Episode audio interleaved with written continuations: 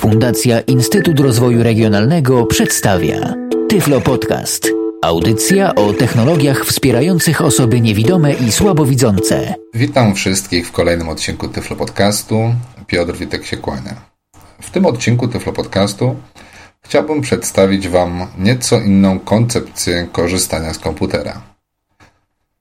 Zazwyczaj komputera używamy w domu. Jest to komputer stacjonarny z zainstalowanym specjalnym oprogramowaniem udźwiękawiającym. Często zdarza się również tak, że używamy komputerów przenośnych, laptopów, netbooków, na których także mamy zainstalowane oprogramowanie specjalistyczne i z tymi urządzeniami często chodzimy do pracy, na uczelnię lub do szkoły.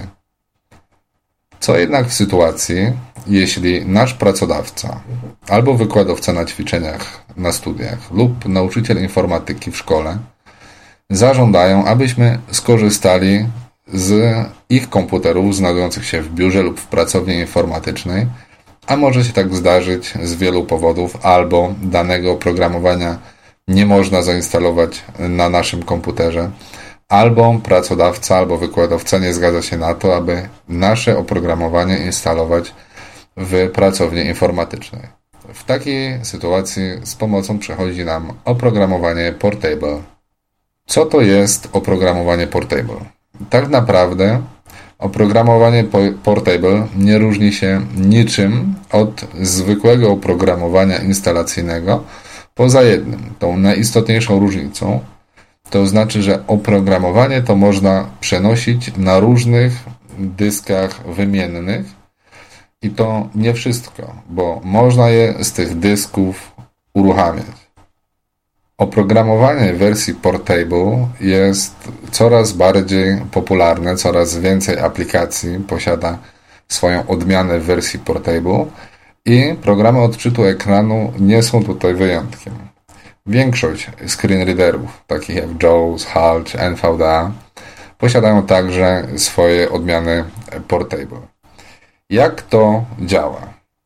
Najpierw wyposażamy się w wersję oprogramowania Portable, czyli pobieramy ją albo ze strony e, producenta, tak jak w przypadku JAWSa czy HALA.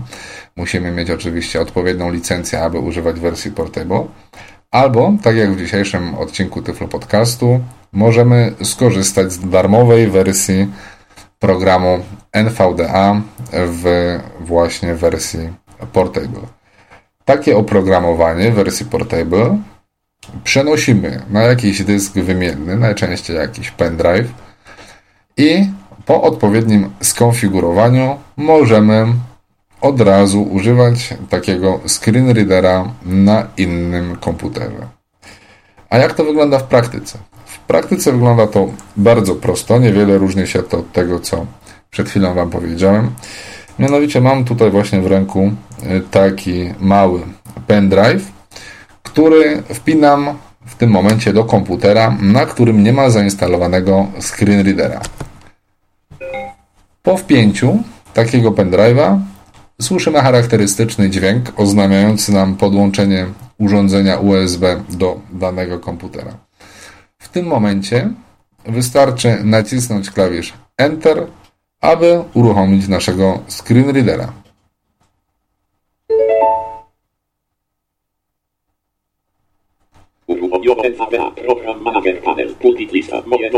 Jak słychać, w tym momencie włączył się nasz e, program odczytu ekranu. NVDA z syntezą eSpeak. Musimy pamiętać o tym, że programy Portable z reguły odpalają się odrobinkę wolniej od oprogramowania zainstalowanego w danym komputerze, ale oczywiście w naszym przypadku, w danej sytuacji ma to niewielkie znaczenie, bo do tej pory komputer, który był dla nas niedostępny, stoi dla nas otworem. Bez problemu możemy sobie przeglądać zawartość całego komputera. Jeśli chcemy używać innego oprogramowania Portable, które mamy wcześniej zrzucone na naszego pendrive'a, musimy dowiedzieć się, jaki numerek dysku został przyporządkowany naszemu dyskowi przenośnemu. Aby tego dokonać, Wchodzimy po prostu w mój komputer Mój komputer mama. Mój komputer i sprawdzamy, który dysk wyświetla się jako nasz dysk przenośny. W tym momencie program odczytu ekranu poinformował nas, że jest to dysk D. Niestety, o czym powiem za chwilkę, nie możemy w tym momencie wejść tutaj normalnie klawiszem Enter na ten dysk. Musimy zrobić to w inny sposób. Naciskamy klawisz Menu Start oraz klawisz R, włączając komendę uruchom i wpisujemy sobie po prostu D dwukropek Enter. W tym momencie jesteśmy na naszym dysku przenośnym. Dlaczego w ten sposób musimy wchodzić na nasz przenośny dysk? Sprawa jest dość prosta. Gdybyśmy w oknie Mój komputer kliknęli na ikonę z naszym e, dyskiem przenośnym, po prostu ponownie uruchomiłby nam się e, nasz program odczytu ekranu, a żeby tego uniknąć, wykorzystujemy wspomniany skrót. Zapytacie, czy to jest rzeczywiście takie proste, że wystarczy podpiąć pendrive'a do obojętnie jakiego komputera, nacisnąć klawisz Enter i od tego momentu będziemy mieli syntezę mowy. Oczywiście byłoby to zbyt piękne, aby mogło być prawdziwe, więc postaram się Wam wytłumaczyć, jak należy skonfigurować naszego pendrive'a, aby właśnie w taki sposób móc używać screen readerów. Tym, co pozwala uruchamiać nam e, nasze aplikacje automatycznie jest plik autorun.inf. Jak stworzyć taki plik? Jest to wbrew pozorom bardzo proste.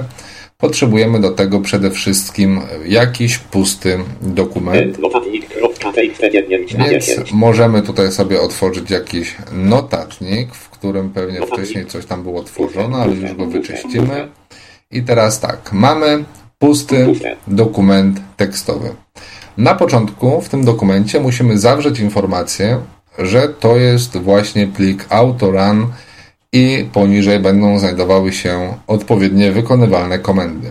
W tym celu wpisujemy w nawiasie kwadratowym, czyli otwieramy nawias kwadratowy, Lewy nawias kwadratowy.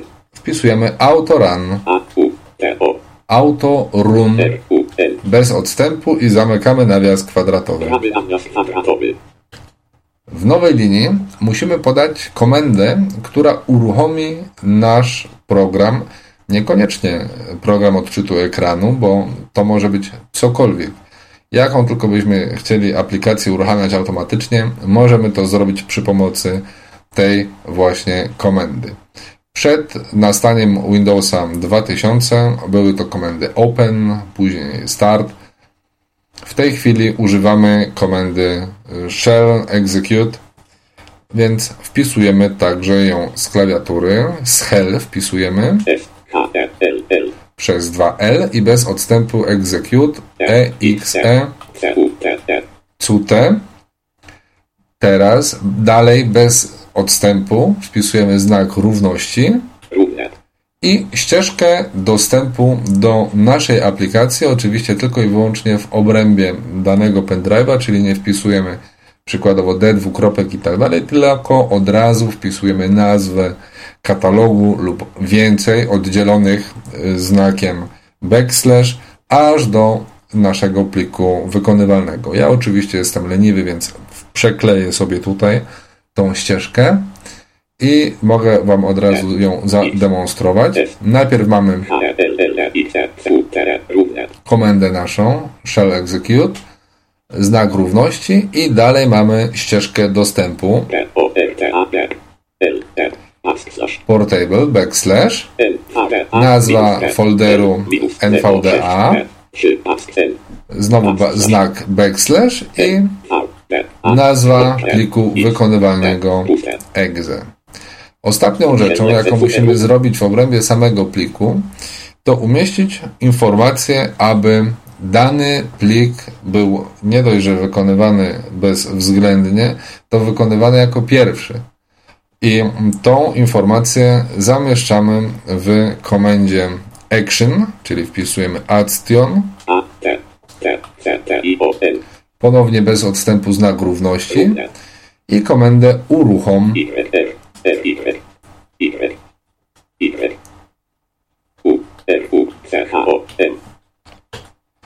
To generalnie już jest cała zawartość pliku autoran. Teraz nie pozostaje nam nic innego, tylko ten plik zapisać. Więc wybieramy z menu pozycję zapisz jako. I jako ja. zapisujemy go jako A U T O R U N. autorun.inf. Enter. Jako W tym momencie oczywiście na pendrive mamy inny plik autorun, więc dajemy tutaj tak komendę tak, aby zastąpić istniejący już plik.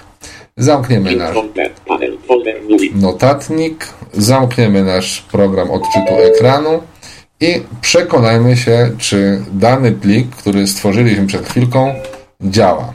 Odpiąłem właśnie pendrive'a, podpinam go na nowo. Usłyszeliśmy charakterystyczny odgłos. Naciskam klawisz Enter, aby przekonać się, czy plik zadziała. Jak słyszymy, działa nasz program Auto Run Inf bezbłędnie. Plik AutoRun oczywiście może zawierać wiele innych em, możliwości i opcji, ale dla naszych potrzeb w zupełności wystarczy taki podstawowy zakres. Tyflo Podcast. Co jednak z innymi pozostałymi aplikacjami, które mamy na naszym pendrive'ie, a do których dostęp bądź co bądź jest w jakimś tam stopniu utrudniony, ponieważ tak jak w tym przypadku najprawdopodobniej będą one w jakimś jednym katalogu, w którym będą się znajdować. Każda z aplikacji będzie znajdowała się w swoim folderze. Za każdym razem doszukiwanie się pliku wykonywalnego, pliku, który będzie uruchamiał tą aplikację, może być dość uciążliwe.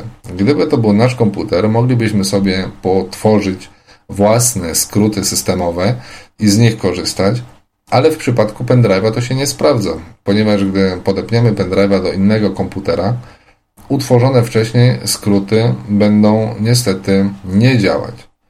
Czy możemy coś na to poradzić? Oczywiście, że możemy. W tym przypadku z pomocą przyjdą nam tak zwane pliki wsadowe, czyli inaczej pliki batchowe. W jaki sposób wykorzystać pliki batchowe jako skróty do danych aplikacji? Najwygodniejszym sposobem jest utworzenie sobie szeregu plików batchowych o nazwach ponumerowanych. E, W ten sposób, jeśli wejdziemy na naszego pendrive'a, to naciskając po kolei klawisze 1, Dwa. Po kolei mamy dostęp do poszczególnych aplikacji. Na przykład jesteśmy w tej chwili na po naciśnięciu klawisza 3 automatycznie jestem na pliku batchowym, który uruchamia mi aplikację Miranda. Ja tylko w tym momencie naciskam klawisz Enter i plik batchowy uruchamia mi już e, aplikację Miranda. Oczywiście ja w tej chwili mogę ją sobie otworzyć i połączyć się z internetem, aby z kimś przeprowadzić rozmowę na gadu-gadu. Analogicznie, gdybym nacisnął, nie wiem, tak w moim przypadku klawisz 4 automatycznie wskakuje na plik batchowy opisany jako Skype.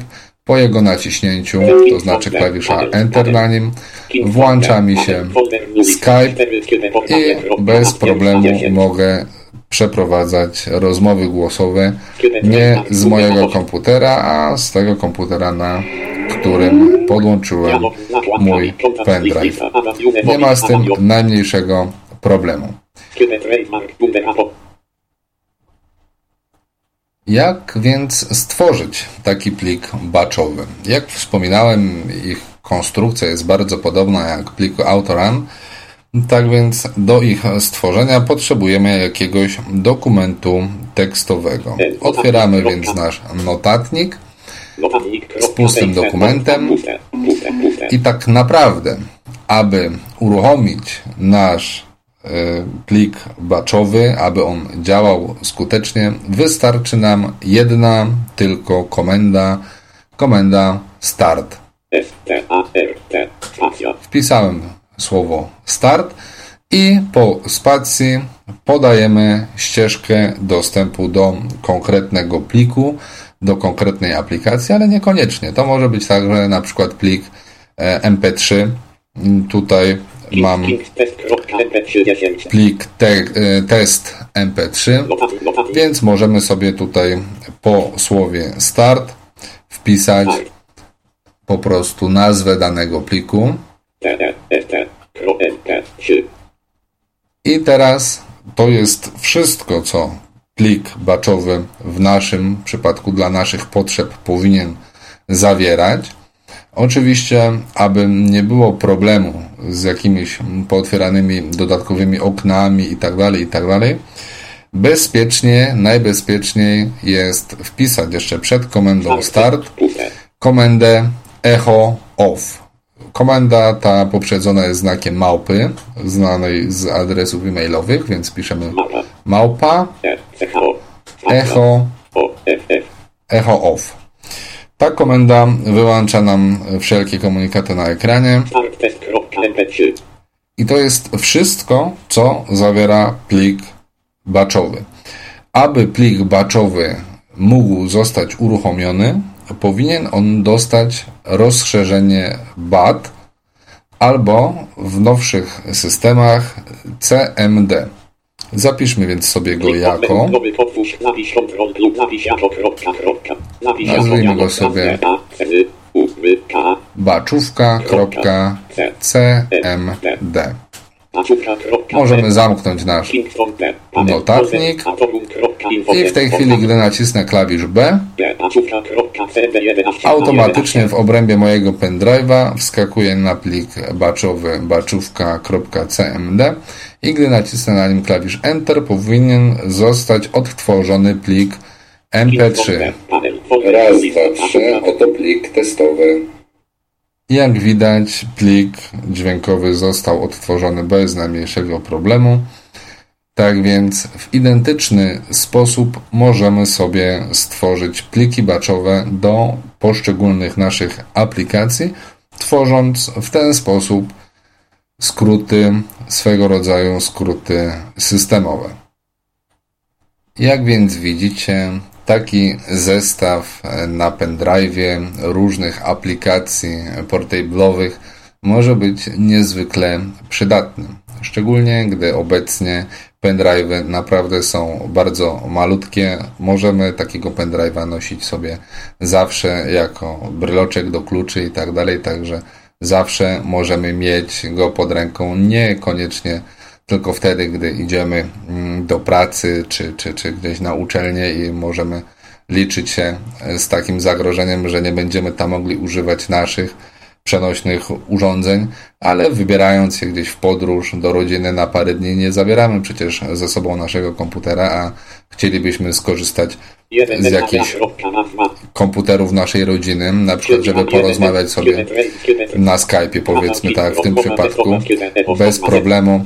Jak widać, jest to możliwe. Ze zwykłego pendrive'a korzystając, możemy to zrobić bez jakiegokolwiek problemu.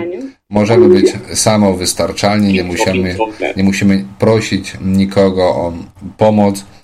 Możemy sobie zawsze porozmawiać na gadu-gadu z każdą osobą. Oczywiście możemy spotkać się z jednym problemem. W tym momencie widzimy, że Screen Reader, program odczytu ekranu, zgłasza nam informację, że połączenie jest zablokowane, że dana aplikacja próbuje łączyć się z internetem i system blokuje nam to połączenie. Możemy oczywiście y, nakazać komputerowi, aby to połączenie przepuścił. Odblokuj. Wystarczy, że poruszając się tabulatorem odnajdziemy przycisk odblokuj, naciśniemy spację lub Enter w tym miejscu i w tym momencie bez problemu możemy korzystać z protokołu gadu-gadu, jaki udostępnia nam Miranda. Możemy sprawdzić sobie wyniki ostatniego losowania lotto i tak dalej, i tak dalej. Nasze możliwości ograniczone są tylko i wyłącznie oprogramowaniem, jakie wcześniej wrzucimy sobie na pendrive'a. Jeśli sobie umieścimy tutaj screen readera, program pocztowy, na przykład Thunderbirda, jakiś e, edytor tekstu, odtwarzacz muzyki, Skype'a, Mirandę itd., tak itd., tak aplikacji Portable jest naprawdę całe mnóstwo. Większość z nich bez problemu jest obsługiwana przez e, programy odczytu ekranu, więc naprawdę wszystkich serdecznie zachęcam do spreparowania sobie takiego pendrive'a, który zawsze możemy mieć pod ręką i który może nam się przydać w najmniej oczekiwanym momencie. To tyle w tym odcinku Tyflo Podcastu. Jeśli mielibyście do mnie jakieś pytania, zapraszam. Mój adres mailowy to witek.piotrmałpa.wp.pl Ewentualnie można do mnie trafić przez stronę internetową www.piotrmyślnikwitek.neostrada.pl Dziękuję wszystkim za uwagę i zapraszam do wysłuchania kolejnego odcinka Tyflo Podcastu. Był to Tyflo Podcast. Audycja o technologiach wspierających osoby niewidome i słabowidzące. Audycja współfinansowana ze środków Państwowego Funduszu Rehabilitacji Osób Niepełnosprawnych.